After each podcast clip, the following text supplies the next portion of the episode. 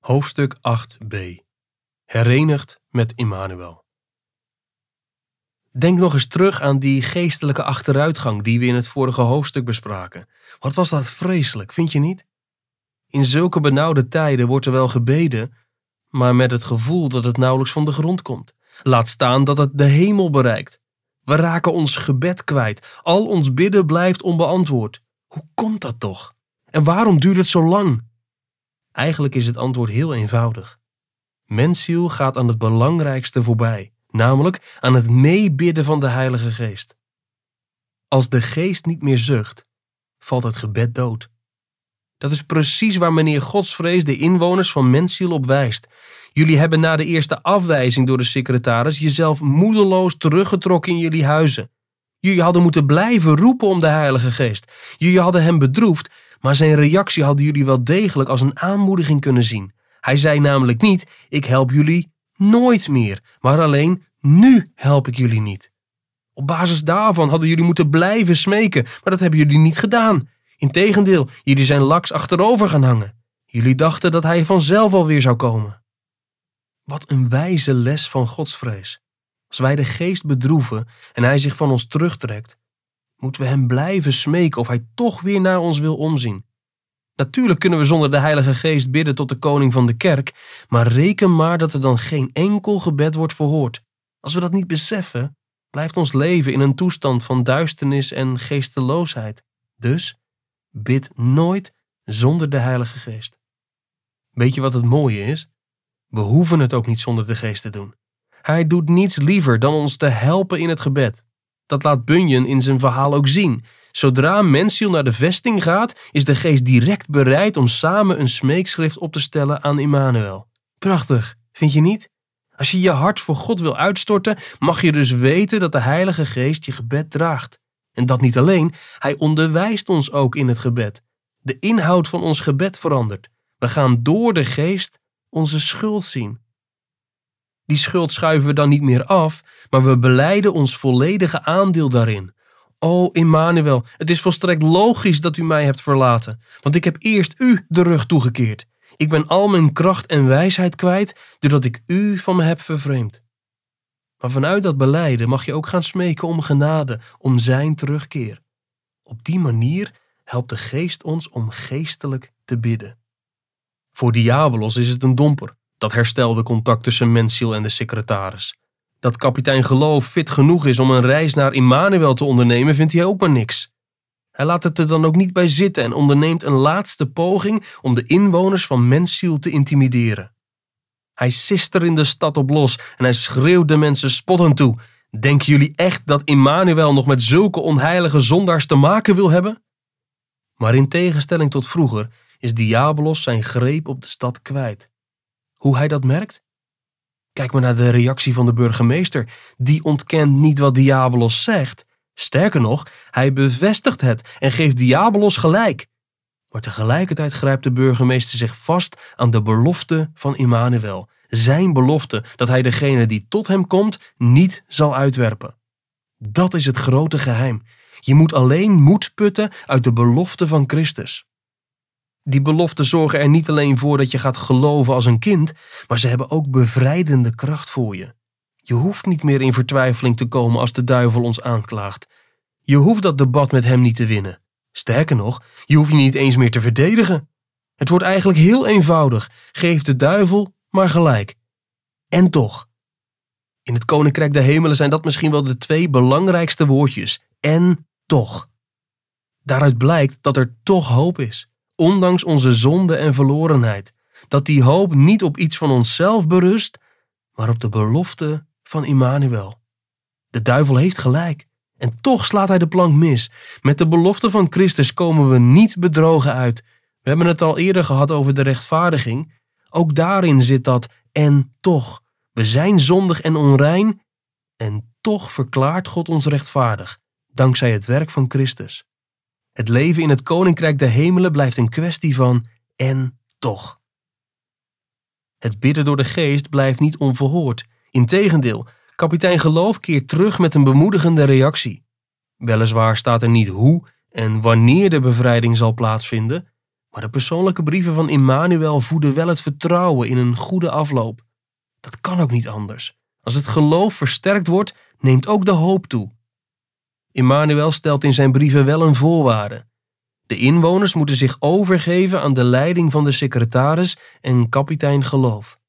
Ze moeten voorzichtig wandelen en niet opnieuw de geest van zich vervreemden. Dat betekent dat ze zich niet moeten laten leiden door impulsen of door alles wat ze zien, maar juist wandelen door het geloof. Alleen dan zullen ze die listen van Diabolos kunnen doorzien. Misschien denk je wel, zal Diabolos het ooit opgeven met mij? Helaas moet ik je teleurstellen. Nee, dat zal hij nooit doen. Hij zal het steeds weer met andere tactieken proberen. Ook dat maakt Bunyan duidelijk. Grof geweld werkte niet, dus probeert Diabolos mensen nu door schijnbare rust en welvaart tot zonde te verleiden. Hij trekt zich terug uit de stad om de inwoners te laten denken dat hij is vertrokken en hen vergeten is. Wat een zegen dat de verbinding met Immanuel en de secretaris weer hersteld is. Zonder hen hadden de inwoners van Mensiel deze list nooit doorzien. Gelukkig vallen de inwoners nu onder de bescherming van Immanuel. Hij zal onze ziel bewaren. Daarom verschijnt er precies dan een brief van hem, waarin hij belooft om Mensiel weer te ontmoeten. Immanuel wil weer in het hart wonen, om zelf dat hart weer tot leven te wekken. En die boodschap van Immanuel is precies het duwtje in de rug dat de soldaten en de inwoners nodig hebben. Ze hebben nu helemaal het verlangen om de strijd aan te gaan met de handlangers van Diabolos. Als geloof, goede hoop en liefde toenemen, groeit in ons het verlangen om te vechten tegen Satan, zonde en ongeloof. We willen de twijfelaars aanvallen en vernietigen. We beseffen steeds meer dat er voor twijfel geen plek is in onze ziel. En we omarmen de vaste hoop dat Christus ons weer zal ontmoeten. Dat heeft hij immers zelf beloofd. Dat mensziel uittrekt tegen Diabolos is geen overmoed. Het gebeurt namelijk niet op eigen initiatief en ook niet in eigen kracht. Alles gebeurt omdat Immanuel het bevel gaf. Weet je wat de Bijbel ons leert? Dat de bevelen van Immanuel tegelijkertijd beloften zijn. Daarom mag mensziel verwachten dat ze door gehoorzaam de strijd aan te gaan, Immanuel ook zal gaan ontmoeten. Uit het verlangen om de wil van Immanuel te doen, blijkt wel dat kapitein Geloof weer helemaal gezond is. Of, zoals de Bijbel het schrijft, zijn krachten zijn vernieuwd zoals de jeugd van een arend. Mensziel gehoorzaamt weer aan de leiding van Immanuel. We merken dat het verlangen groeit om alles uit te roeien wat niet tot Gods eer is. In deze strijd is er maar één wachtwoord: het zwaard van Immanuel en het schild van het geloof. Met dat wachtwoord heeft Christus in de woestijn ook de duivel verslagen en hiermee verslaan zijn volgelingen Diabolos. Wie ten strijde trekt met zijn ervaringen of gevoelens, die komt van een koude kermis thuis. Die moet terugvluchten naar de stad. Maar als je komt met het woord, mag je je verzetten tegen de duivel en geloven dat hij van je zal vluchten. De strijd verloopt voorspoedig. Mensziel vecht dapper, maar de inwoners kunnen de oorlog niet tot een definitief einde brengen. Daarvoor hebben ze Immanuel zelf nodig. Hij komt van de andere kant en snijdt de legers van Diabolos de pas af. Op die manier vecht het leger van Immanuel zich een weg naar de strijdende inwoners van Mensiel. En dan breekt het gejuich los. De laatste twijfelaars worden gedood of slaan op de vlucht. Zo ook Diabolos. Wat een geweldig moment. Diabolos is verdreven, zoals rook wegtrekt of zoals was smelt voor vuur. De volle zon breekt weer door de wolken. Het volle licht schijnt weer in onze ziel. Christus, de zon der gerechtigheid, verdrijft alle duisternis en droefheid. Immanuel begroet de inwoners van Mensiel met vrede zij u. Dat zegt hij dus notabene tegen mensen die hadden gezegd dat ze niets meer met hem te maken wilden hebben. Dat geldt niet minder voor de discipelen en zo gaat het ook met ons. Hoe is het mogelijk? Er klinkt geen enkel verwijt. Integendeel, hij troost ons. Door deze liefde krijgt ons hart een nog grotere afkeer van de zonde. Hoe is het toch mogelijk dat ik deze koning de rug heb toegekeerd? Eigenlijk kunnen we niet geloven dat het allemaal goed is gekomen. En toch, het is Immanuel zelf die het zegt. Ga, eet lekkernijen en drink zoete dranken. Wees niet bedroefd, want de vreugde van de Heere, dat is uw kracht. Hij verklaart ook zelf het geheim van zijn liefde. Het is niet vanwege jullie, wel nee, ik ben met mijn genade teruggekomen. Daarom zal mijn naam verhoogd en verheerlijkt worden. Wat een wonder, vind je niet? Uit vrije genade neemt hij ons weer in zijn armen en hij drukt ons aan zijn hart. We kunnen daar nooit woorden voor vinden die zulke vrede en blijdschap ten diepste uitdrukken. Gelukkig stopt Bunyan niet bij de terugkeer van Immanuel. Hij gaat verder om via prachtige beelden de beproevingen van het geloof uit te leggen. Naast de straf vanwege onze zonde zijn die er namelijk ook nog. Ze horen bij het geloof. Waar geloof is, daar is ook beproeving. En daar mogen we blij mee zijn. Denk maar aan een goudsmid. Die loutert geen blik of zink, maar alleen goud. Als we niet beproefd worden, is dat dus een slecht teken. Dan is er geen geloof. Tegelijkertijd moeten we er ook voor waken dat we straf en beproeving niet door elkaar halen. Weet je wat het verschil is? Het is eigenlijk heel eenvoudig. Straf volgt op onze zonde, op ons weglopen bij de Here. Gods beproeving komt alleen als we innig met Hem verbonden zijn. Zo'n beproeving kan dan ook bestaan uit het verborgen lijken van Zijn afwezigheid in ons vurige roepen om Hem. In de beproeving komt de duivel om ons weg te trekken bij de Here, net als ooit bij Job. Op het moment zelf is dat misschien wel erg lastig, maar toch zegt de Bijbel dat we er blij mee moeten zijn. Jacobus schrijft zelfs dat wij het enkel vreugde moeten achten wanneer we in verzoekingen terechtkomen. Waarom?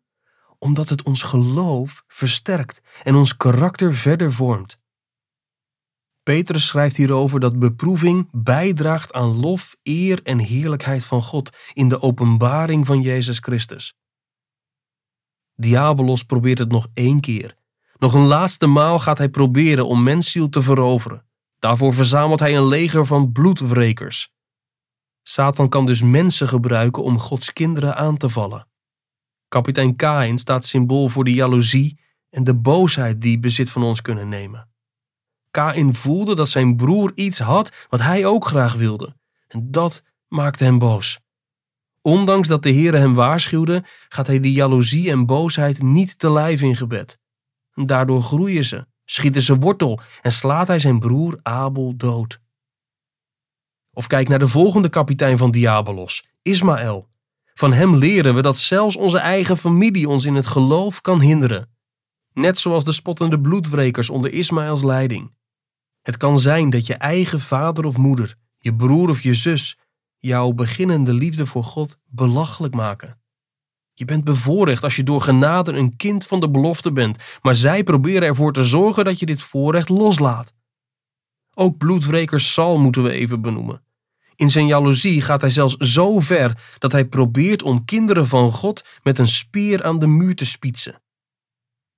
Hij weet eigenlijk wel dat God met ons is, maar omdat de Heilige Geest hem heeft verlaten, laat hij zich leiden door een boze geest van Diabolos. Hierdoor grijpt Sal alle mogelijkheden aan om jou te laten sneuvelen.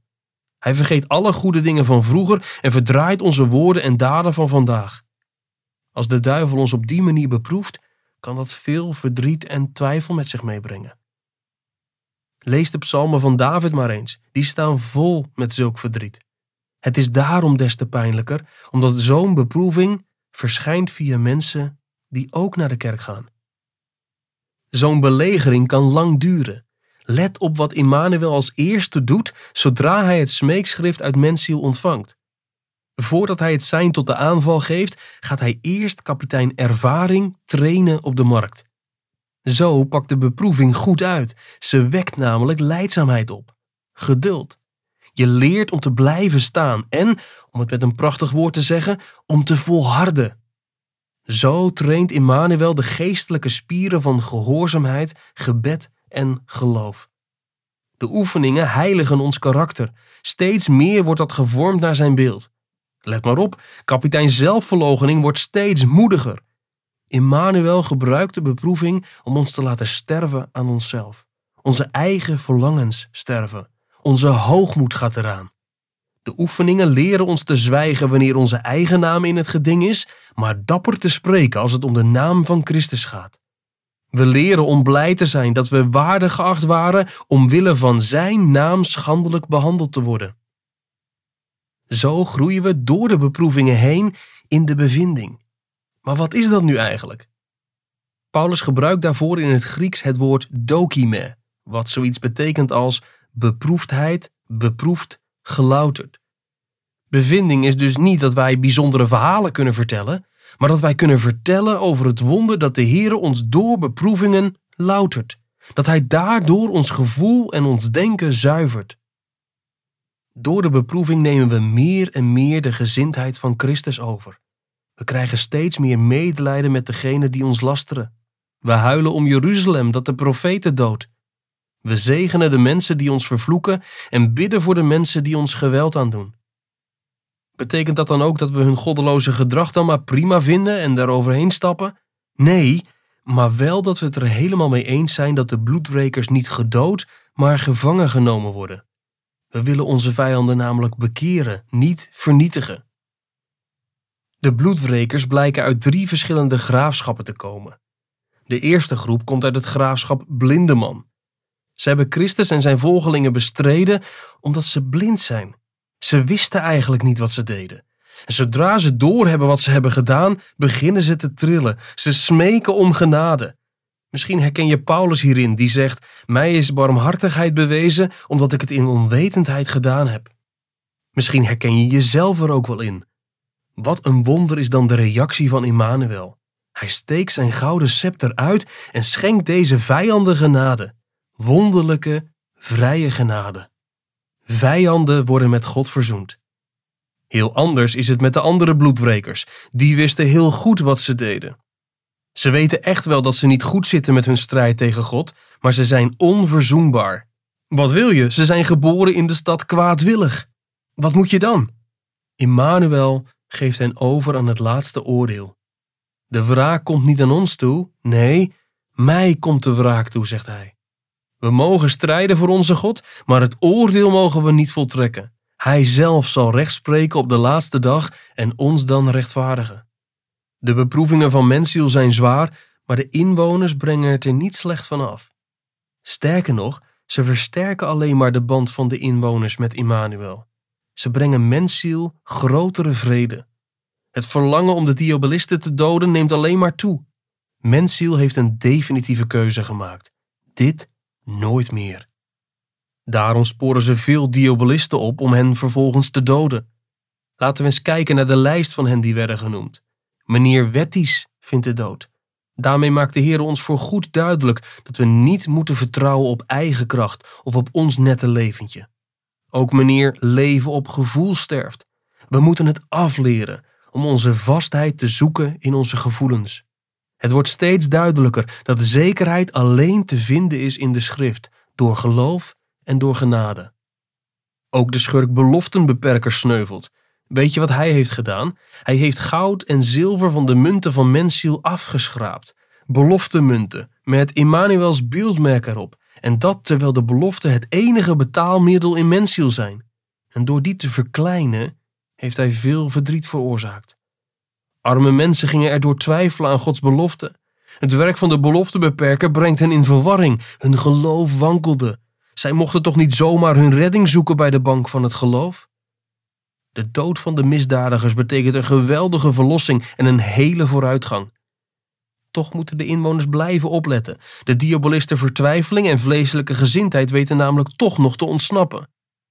Ons hele leven moeten we rekening blijven houden met hen. Gelukkig gaat dat ook niet buiten Immanuel om. Dat zegt hij ook in zijn toespraak. Ik laat hen leven, niet om jullie kwaad te doen.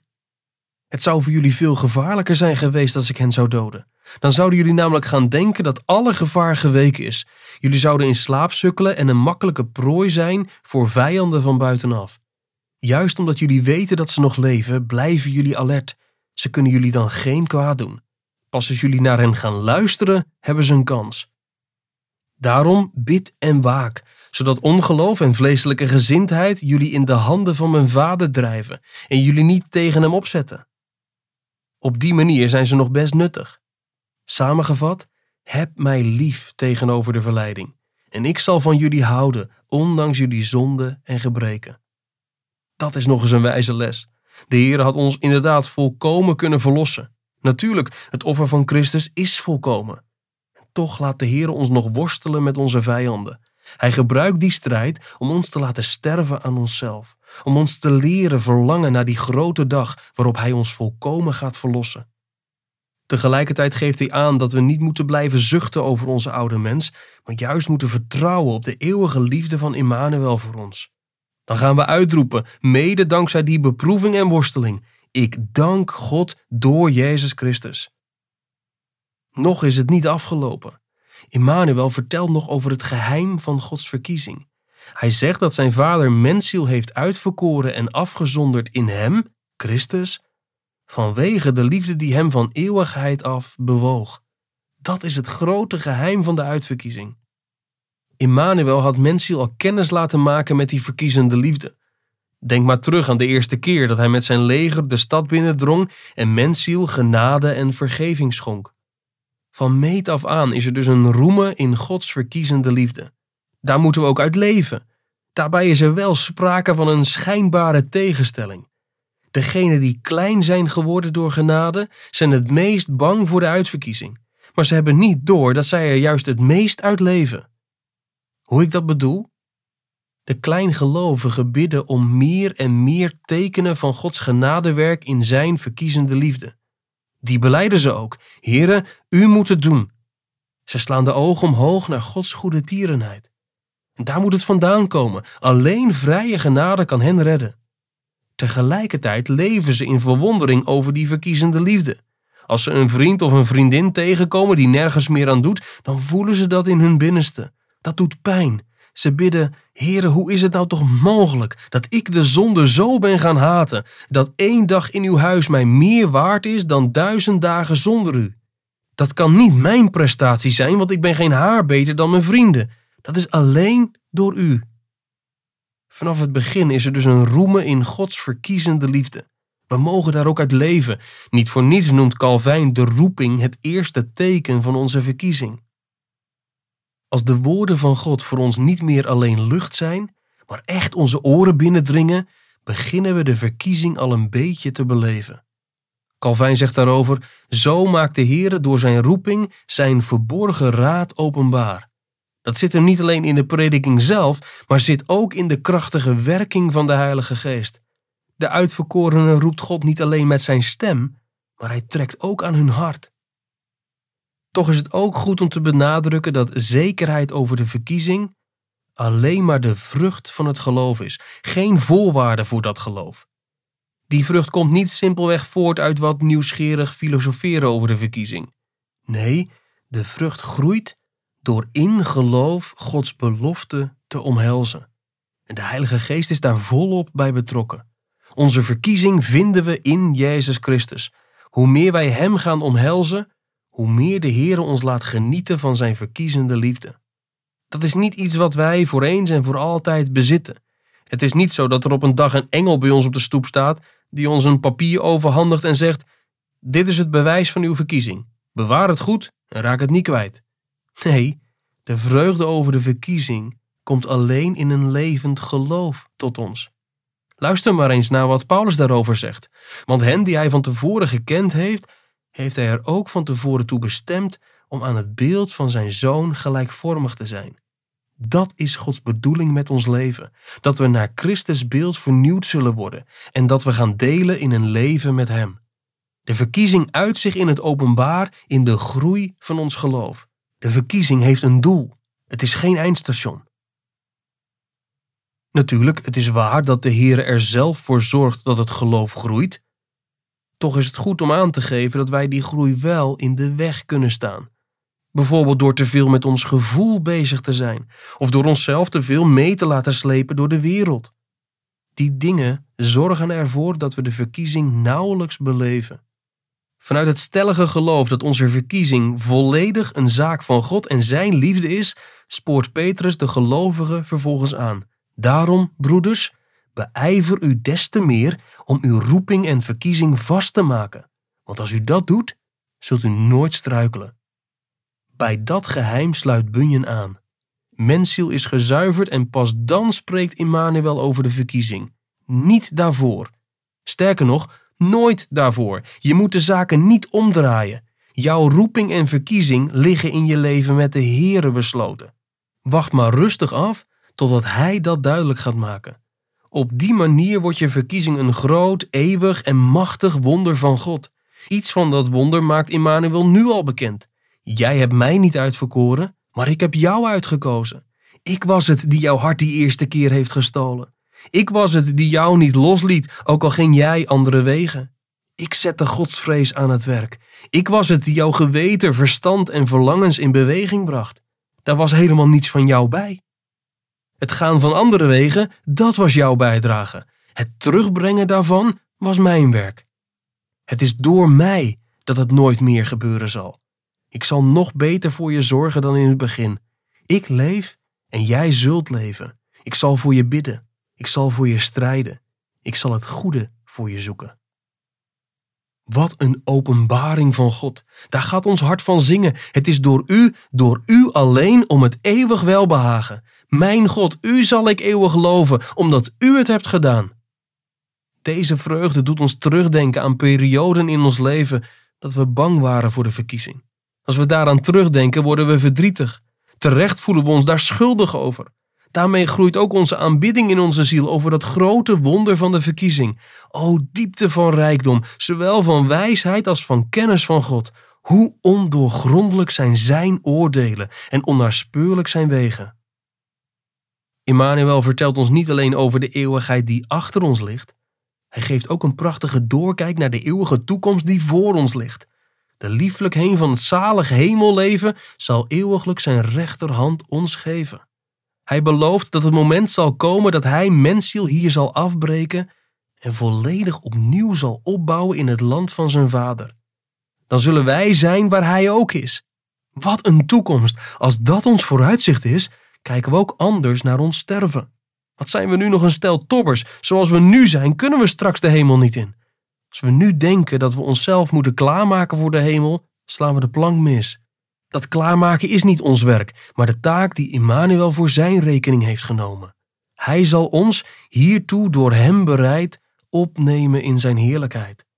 Let op dat God zelf onderwerp is in die prachtige gouden keten van het heil, van het begin tot het einde. En hen die hij er van tevoren toe bestemd heeft, die heeft hij ook geroepen.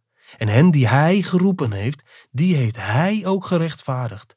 En hen die hij gerechtvaardigd heeft, die heeft hij ook verheerlijkt. Immanuel breekt mensziel af en bouwt de stad opnieuw op in heerlijkheid. Hij is het ook die ons opbouwt tot een woning voor zijn Vader. Hij zal ons maken tot een prachtig voorbeeld van de werking van zijn barmhartigheid. Als hij terugkomt op de wolken, is er nog steeds niets in ons wat ervoor zorgt dat wij de hemel kunnen binnengaan. God zij dank hoeft dat ook niet. Hij heeft beloofd dat hij terugkomt om ons te halen en tot zich te nemen. Wij hoeven er niets aan te doen. We worden gehaald. We worden toebereid. We worden geleid. We zullen volmaakt aan Christus gelijkvormig zijn in Zijn toekomst. We zullen dan vol verwondering onze ogen opslaan aan de andere kant van dit leven. Wat een wonder! En hoe? Verzadigd met Zijn goddelijk beeld. Onvoorstelbaar is dat, maar dat is pas voor straks. Hier wil God ons nog nederig houden. Hier moeten we niet vragen: kan ik in de hemel komen? Maar ziet mijn hart uit naar de hemel? Net zo zeker als de hemel er is, zo zeker is het ook dat Hij ons komt halen. Wat zal dat heerlijk zijn? Daar zullen we samen zijn met de drie-enige God. Zo intiem als hier niet mogelijk is. De Heere zal alles zijn en in alle. Daar zal geen bangmakerij van diabolos meer zijn. Er is geen enkele vijand meer in ons en buiten ons. De Satan zal geworpen zijn in de poel die brandt van vuur. Er zijn geen bloedwrekers meer te bekennen, want ook zij verdwijnen in die poel. En die overblijvende diabolisten? Die blijven achter en vergaan in het graf. Ze zijn geen duivelen, maar de zondige begeerten van het vlees die in het graf verdwijnen. In de hemel en uiteindelijk op de nieuwe aarde zal er daarom geen strijd meer zijn en geen verdriet.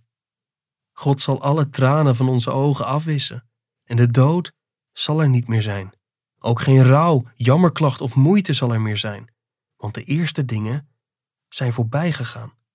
We zullen voor eeuwig met de Here zijn. Dat leven kent geen einde meer.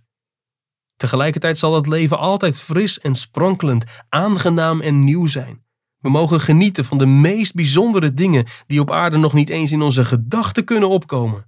Alleen daarom al zal er een eeuwigheid voor nodig zijn. Mensziel, heb je Immanuel waarlijk lief? Weet dan dat de bruidegom komt om zijn bruid te halen.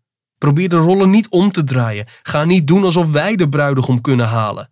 De bruidegom komt en hij brengt zijn bruid naar het eeuwig vaderhuis met de vele woningen. Dan ben je nooit meer gescheiden van de vader. Dan ben je voor altijd de zijne.